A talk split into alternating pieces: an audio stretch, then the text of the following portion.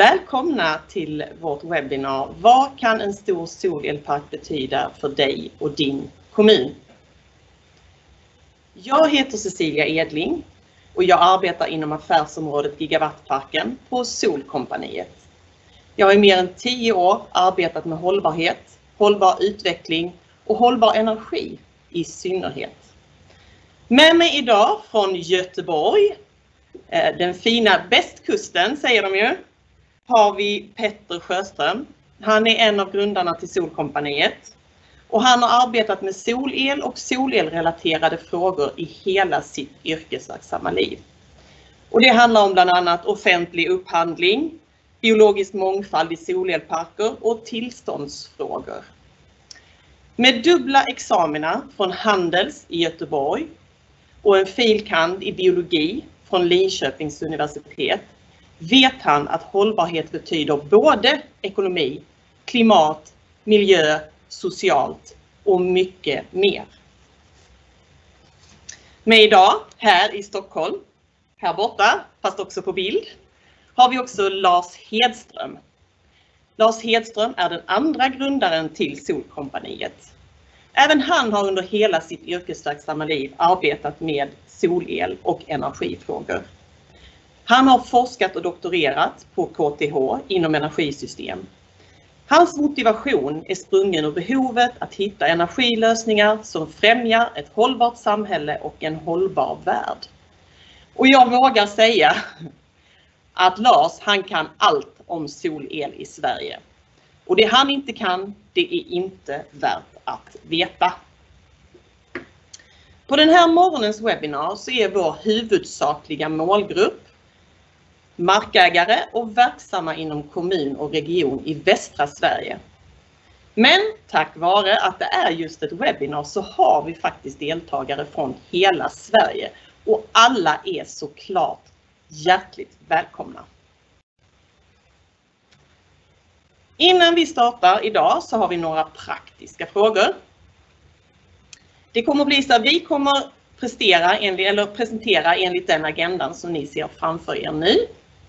Om ni får frågor längs vägen så kan ni ställa dem, jag säger chattfönstret, men det finns en frågekolumn i Teams där ni kan ställa era frågor.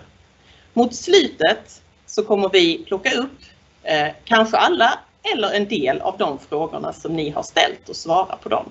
Så Ställ frågor i frågekolumnen i chatten. Vi räknar med att vara klara 8:45, kanske till och med något tidigare, för vi har märkt att vi är ganska snabba när vi gör det här. Vill du komma i kontakt med oss efteråt så kan du göra det via gigawattparken.se eller någon av de kontaktuppgifter som du ser på skärmen nu. Vi kommer även att visa dem mot slutet av presentationen. Men eh, Då kör vi då. För att genomföra det vi ska göra, Gigawattparken, kommer vi behöva aktivera en av människans superkrafter. Vår förmåga att samarbeta. Vi kommer behöva samarbeta mellan kommun, näringsliv, markägare, nätägare, myndigheter och invånare på helt nya sätt. Och Tillsammans kan vi göra skillnad. Vilken möjlighet! Med det sagt vill jag lämna över till Lars Hedström, som dels kommer att berätta lite grann om Solkompaniet, pyttelite, och sen om solelens utveckling i Sverige och världen. Välkommen Lars! Tack Cecilia. Ehm, även jag får ju passa på att säga välkomna. Jag tittade igenom deltagarlistan och jag hittade faktiskt en hel del namn eh, som jag kände igen. Eh, det var både branschkollegor, det är samarbetspartner och ett antal kunder. Eh, så Extra välkomna till er. Eh, men Då för er som kanske inte känner till oss. Solkompaniet är en av landets största solcellsinstallatörer. Vi har cirka 120 medarbetare. Vi jobbar brett. Vi jobbar med påverkansarbete för att förbättra villkoren för solel. Vi jobbar med en grossistverksamhet. Vi har konsulter som jobbar med föreskrivande led och en del forskning och utveckling. Eh, vi jobbar också med utbildning av solel Eh, montörer, projektörer och projektledare. Men vår huvudverksamhet är installation och projektutveckling. När jag började jobba med solenergi 2002 så var det faktiskt redan då uppenbart att vi inte kunde fortsätta att släppa ut koldioxid i atmosfären i den omfattning vi gjorde då och tyvärr fortsatt gör idag. Solcellstekniken kan hjälpa till. Det kanske är väldigt grundläggande, men solceller har inga rörliga delar. De tillverkas av kisel, alltså från sand. Eh, de har inget material som förbrukas när de är i drift.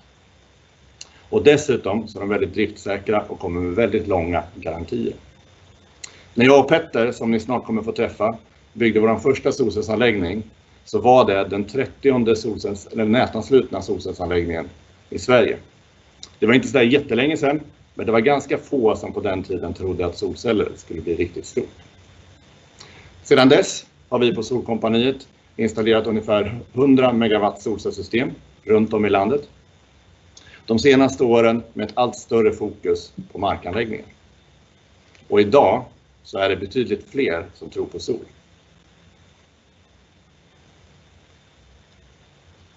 Solenergi spås nu bli kungen av elproduktion globalt.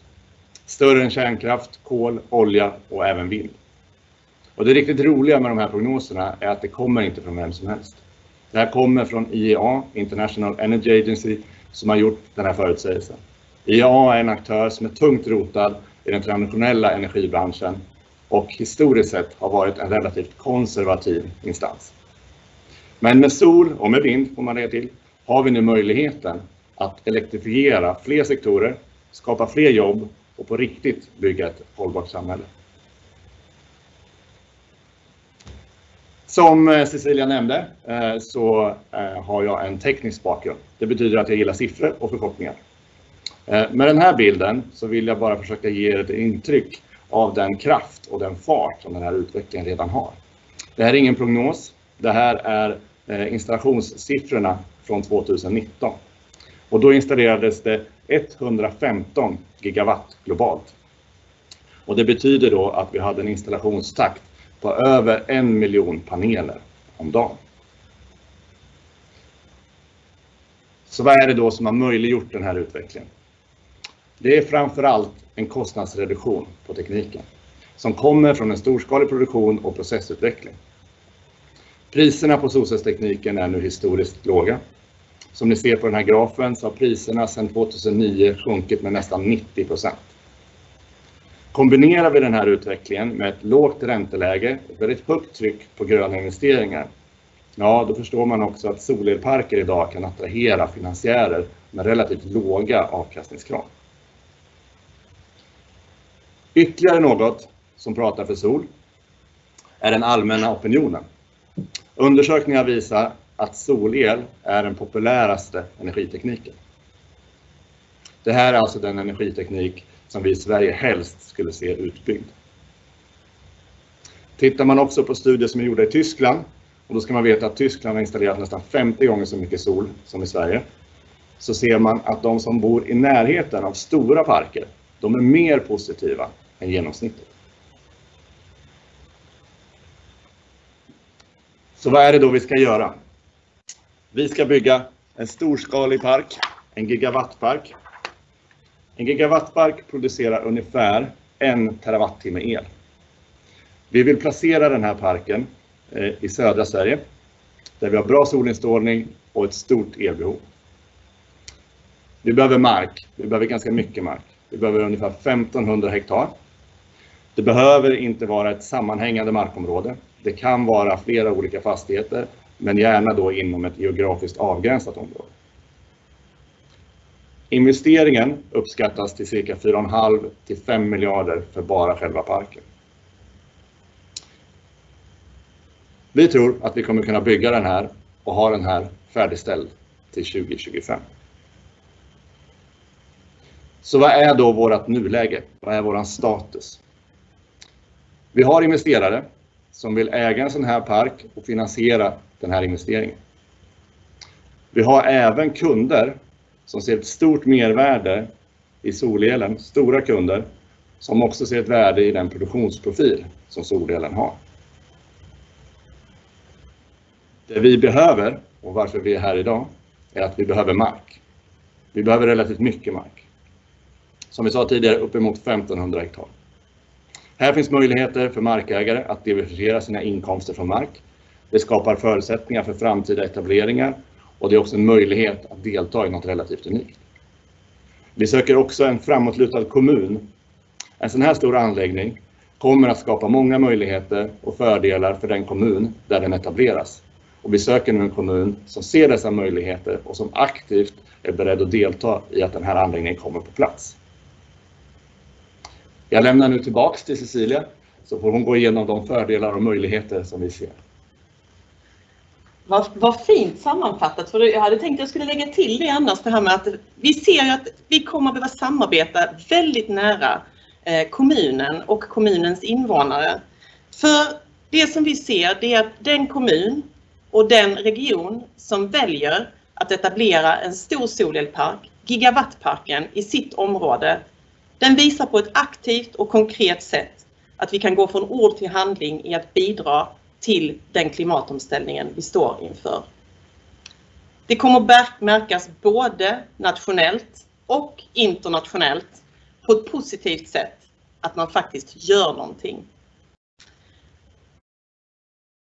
Alla prediktioner pekar på att vi går mot en ökad elektrifiering både lokalt och globalt och därmed såklart ett ökat behov av el. Att lokalt få tillgång till solel, förnybar el i en region där det från tid till annan redan idag råder effektbrist minskar risken för att behöva importera el som till exempel kommer från olja, naturgas eller i värsta fall kol. Samtidigt så ökar det chanserna att få exportera el till andra regioner och länder som minskar deras eh, användning av fossila bränslen och dessutom så blir det en bra affär för regionen. Gigawattparken kommer generera fler arbetstillfällen. Både sådana som är direkt kopplade till gigawattparken, det vill säga att projektera, förbereda mark, bygga och även när parken är i drift. Men även indirekt sådant som finns runt om som kommer i, i, som en effekt av att vi etablerar gigawattparken. Det exempel vi sett i världen där det byggs stora solelparker är att det skapas just precis det jag sa. Många, många nya arbetstillfällen. Gigawattparken kommer att byggas i etapper över lång tid och lång tid, då menar vi flera år. Den kommer med största sannolikhet också att öka attraktionskraften för andra företag och bolag att etablera sig i kommunen och regionen. Men det finns fler fördelar för en kommun och där kommer jag lämna över till Petter som är, precis som jag sa tidigare, en fena på det här med biologi och biologisk mångfald. Så varsågod Petter. Tack så mycket Cecilia. Och eh, vad roligt att det är så många intresserade av detta ämne. Nu har jag eko här. Eh, skulle du kunna stänga av din mick, Cecilia?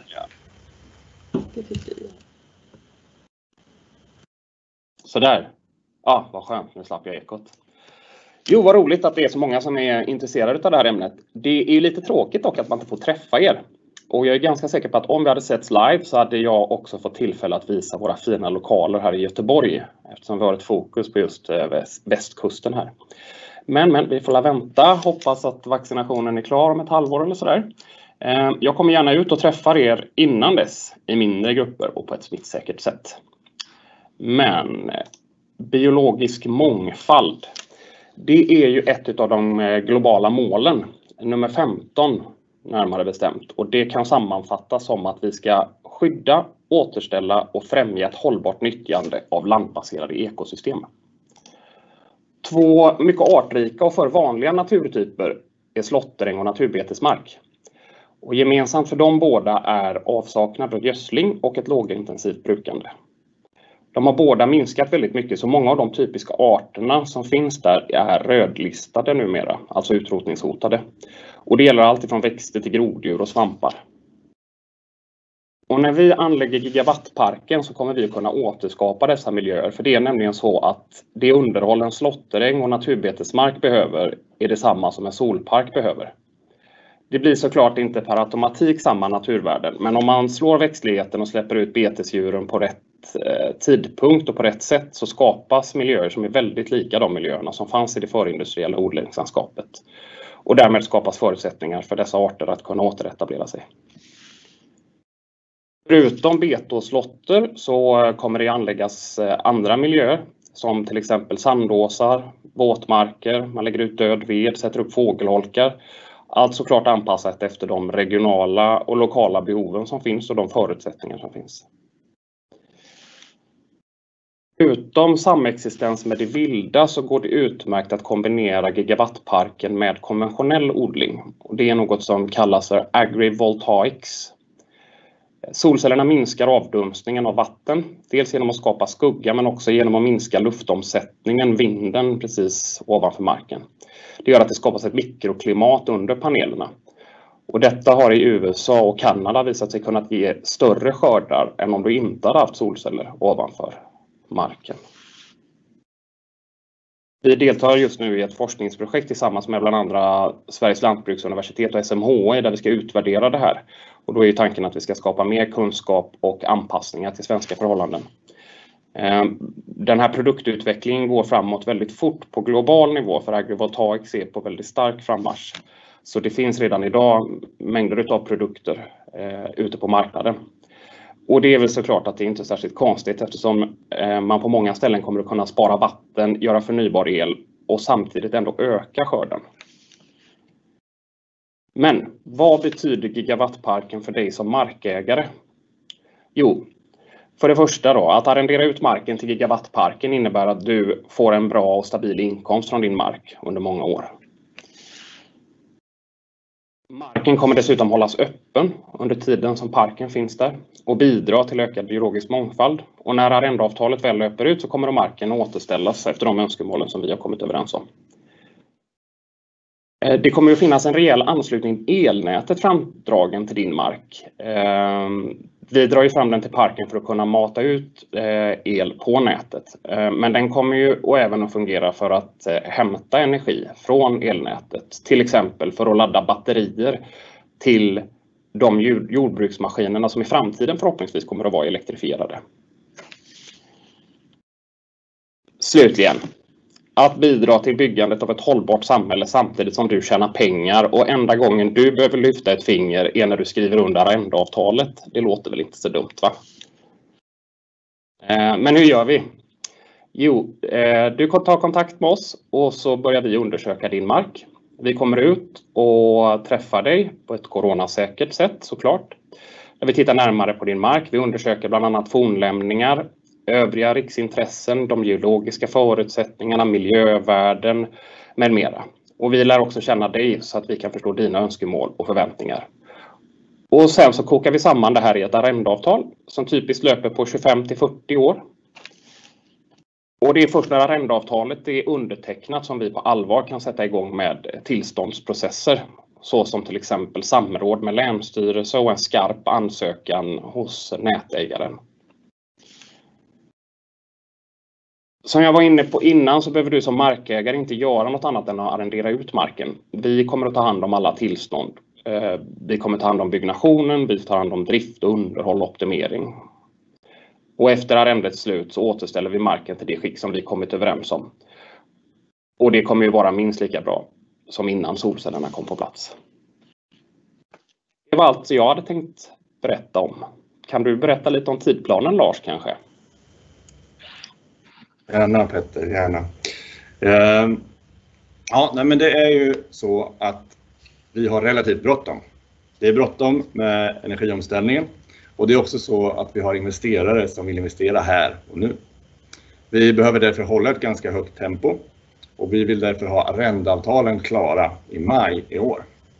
Och som Petter var inne på, som jag sagt tidigare, så är det då att det behöver inte vara ett sammanhängande markområde, men i ett geografiskt avgränsat område. Eh, flaskhalsen här är inte själva byggnationen utan det är tillgången till mark och därefter de tillstånds och nätanslutningsprocesser som vi behöver gå igenom. Planen är att byggnationen ska starta i 2023 och att den kommer ta två år. Och det gör då att vi ska kunna ha en driftsatt anläggning redan 2025. Cecilia, vill du sammanfatta? Ja, de var sjukt snabba och effektiva. Ja, hur sammanfattar vi det här då? Eh, ska vi se. Jag är lite kortare än Lars då. Eh, vi ska bygga gigawattparken. Och vi har mycket på plats. Vi har investerare som står och knackar på dörren. Vi har kunder. Vi söker den framåtlutade kommun som Lars pratade om tidigare och vi söker mark. Det finns många tydliga fördelar både för den regionen och det området som kommer att etablera gigawattparken och för de markägare som arrenderar ut sin mark. Såklart är vi också medvetna om att vi har ju lyft alla de positiva delarna idag. Det kommer att finnas hinder och utmaningar och vägen kommer inte vara rak. Varje projekt är unikt. Men vi på Solkompaniet, vi har byggt mer än 15 solelparker so far. Och vi vet att den inte är rak, men vi är med hela vägen. Och projektet är unikt. Det är ett, en egen art. Den största solelparken i Sverige idag är 14 megawatt. Och det planeras att bygga större, men inte av den här digniteten. Och om ni vet och minns, så i början av den här presentationen så stod det på en slide, vi bygger det hållbara samhället på riktigt. Och vi vill bara med detta understryka att vi, det är inte vi på Solkompaniet, det är vi tillsammans. Det är precis det som jag sa när jag inledde. Det är kommun, det är näringsliv, det är myndigheter, det är invånare. Det är vi tillsammans som ska bygga det hållbara samhället. Och med det sagt så öppnar vi upp för frågor. Då ska vi klara av tekniken här bara. Vi, vi 40-plussare, eller är vi alla det? Eh, så ska vi se om, om det har kommit in några frågor.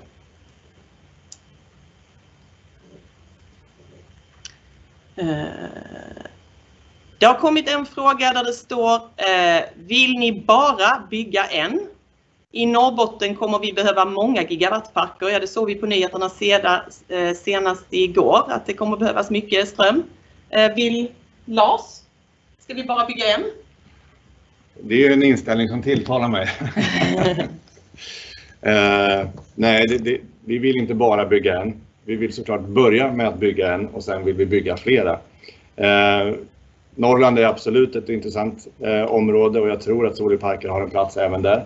Eh, vi tittar på södra Sverige för att vi har lite mer solinstrålning där och vi har lite högre elpriser där just nu. När tekniken utvecklas och priserna kommer ner så tror jag också att det kommer bli aktuellt att ta med parkerna upp norrut. Och sen har vi fått en fråga, vilken produktionskostnad ger detta ungefär per kilowattimme alltså? Mm.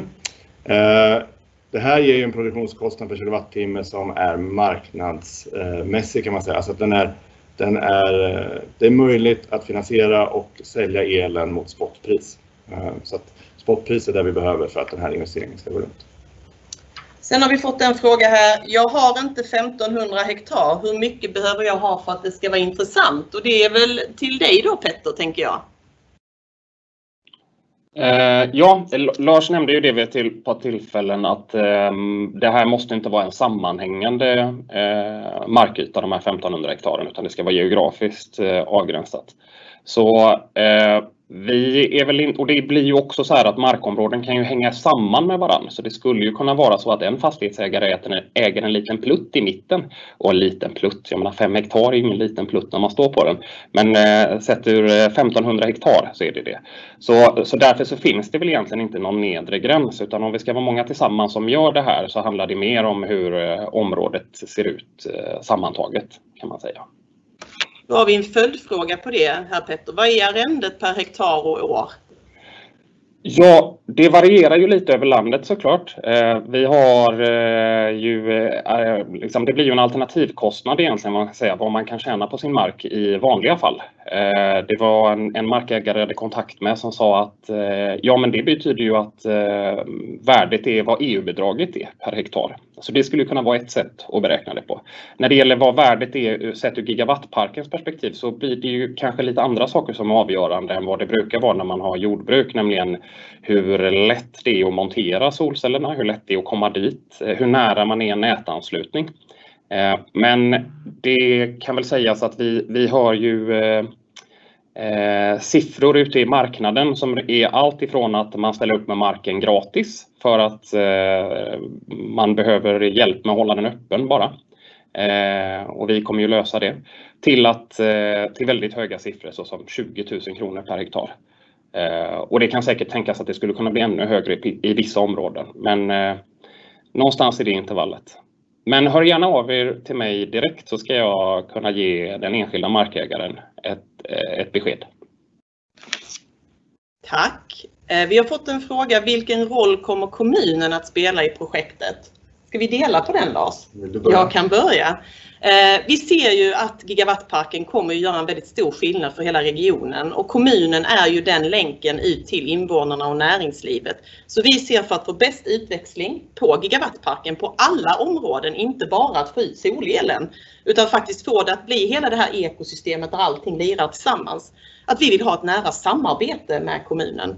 Eh, så det är egentligen mer att, att vi ska gå ihop och jobba tillsammans för att göra verklighet av det här och att det också blir bäst möjligt för den regionen som vi är i. Vill du lägga till något?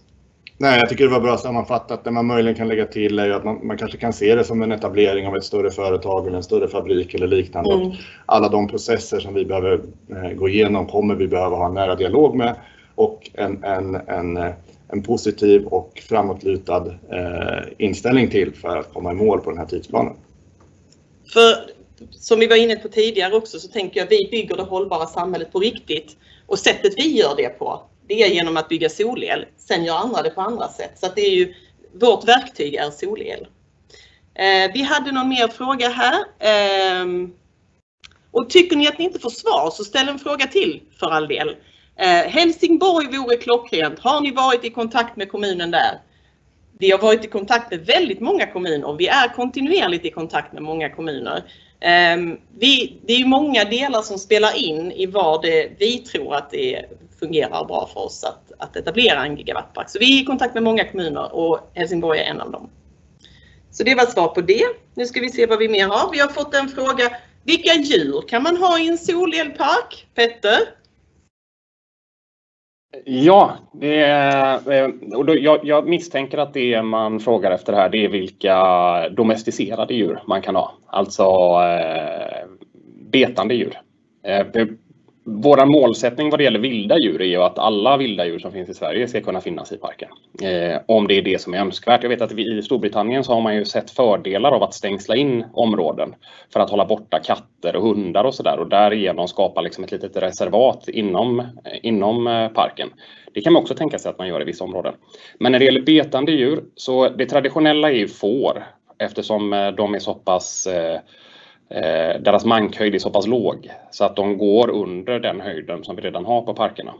Men man kan bygga parken så att du får, kan få in nötkreatur och även hästar i parken. Det handlar ju om att se till så att de inte kan komma åt och klia sig på eh, känsliga eh, områden som till exempel solpanelen eller växelriktare. Själva eh, ställningen kommer, nog, eller kommer att klara att en häst ställer sig och gnuggar sig lite. Det är inga problem. En, det är mycket frågor till dig här nu Petter. Mm. Passar skog och bergsmark efter slutavverkning? Bergsmark eh, kommer väl... Eh, jag tänker så här, allting handlar ju om eh, att vi ska ha ett pris efter färdigproducerad park som klarar av det Lars nämnde, nämligen att vara lönsam på en spotprismarknad. Så allting som gör att det blir dyrare gör att det blir lite mindre värt. Och berg är ju ett eh, problem att fästa saker i jämfört med jordbruksmark. Jordbruksmark så slår vi ner pålar, berg så måste vi borra. Eh, men eftersom priserna går ner så kan det ju mycket möjligt att vi kommer till ett läge där det också är, eh, är aktuellt. Skogsmark är ju väldigt, väldigt mycket mer eh, vad ska man säga, heterogent eller diversifierat. Det var, bara för att det står skog på så behöver det ju inte betyda att marken i sig inte är bra. Eh, men det kan betyda att den är väldigt full med sten och berg och då blir den dålig. Så man, man får titta på marken i sig snarare än det som står på. Eh, och även där vad det gäller naturvärden då, att tar du en energiskog med gran någonstans i södra Sverige så naturvärdena där inne är absolut inga problem att slå för gigawattparken. Däremot om du har en eh, naturskog eller något som har stått i hundra år så ja, då, då, då, då, är det väl inte lämpligt att sätta en solcellsanläggning där för det kommer vara svårt att slå det naturvärdet som finns i den. Mm.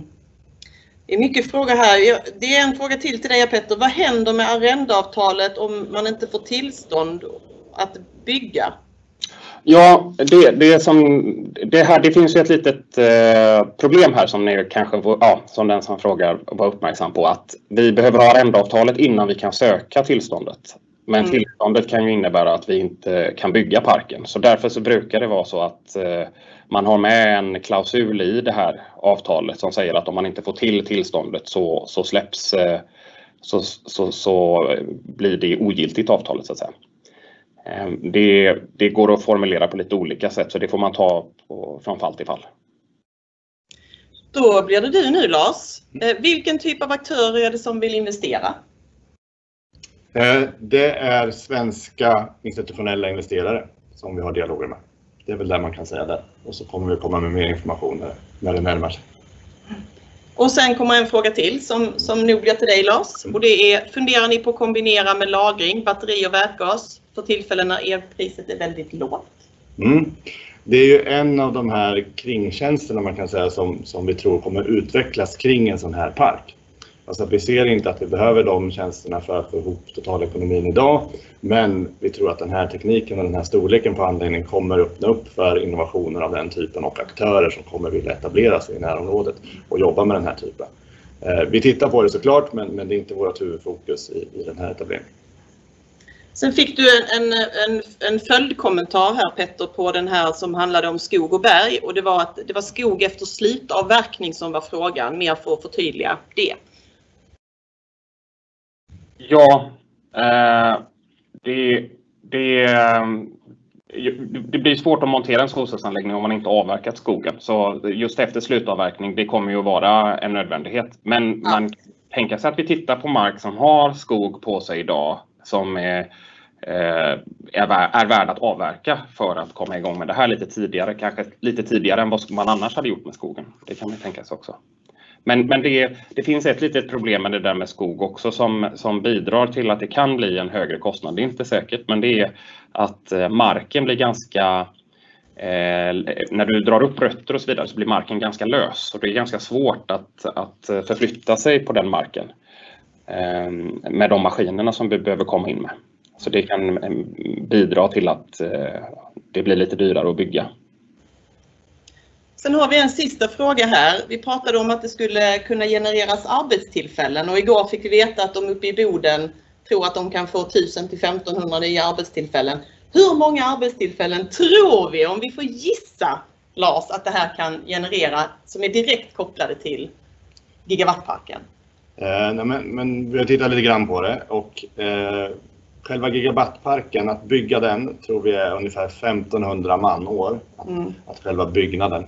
Eh, och sen så kommer det vara en, en, en väldig massa kringtjänster som vi inte har kvantifierat. Med allt ifrån logistik, eh, service, underhåll, boende, jobbet. Eh, så att, eh, mycket jobb, men vi får återkomma med en exakt siffra. Nu fick vi faktiskt in en fråga till, så vi tar den sista frågan nu om inte det är någon som bara skjuter in en fråga här så blir vi klara lite tidigare. Har ni färdiga fröblandningar till vall för bra biologisk mångfald samt förbättra marken? Jag gissar att det är en Petter-fråga. ja, det gissar jag med. Äh, vi har, vi har ingen egen färdig fröblandning. Äh, och jag tänker att det där är väl också någonting som vi gärna vill eh, ta fram ihop med eh, alltså det lokala och det regionala. Alltså vilken fröblandning är det som man ska ha här? Och att det handlar om att göra en miljövärdesinventering så att man får reda på vad är det för arter som vi redan har. Eh, så att vi liksom inte bara kommer med en påse som vi använder över hela Sverige. Utan det, det får ju vara någonting som tas fram Eh, specifikt för varje, för varje plats. Och eftersom gigawattparken är över en så pass stor yta så kommer det ju förmodligen att vara olika behov på olika platser även inom den. Med det sagt så har vi svarat på de frågorna som vi har fått och eh, vi vill tacka så hemskt mycket för att ni var med här på morgonen eh, och don't be a stranger. hör av er om ni har frågor, om ni vill att vi ska titta på er mark, om ni vill samarbeta med oss. Så vi får det här i hamn. Precis. Vill du säga något avslutande Lars? Nej, jag tycker det var en superbra sammanfattning. Hör av er. Det är kontakter och samarbeten som får det här framåt. Ha det fint och ni som inte är på sportlov utan ska ha ett fint sportlov, ni som har haft, hoppas det var bra. Nu kör vi vidare. Jättebra. Tack för idag. Hej då allihop!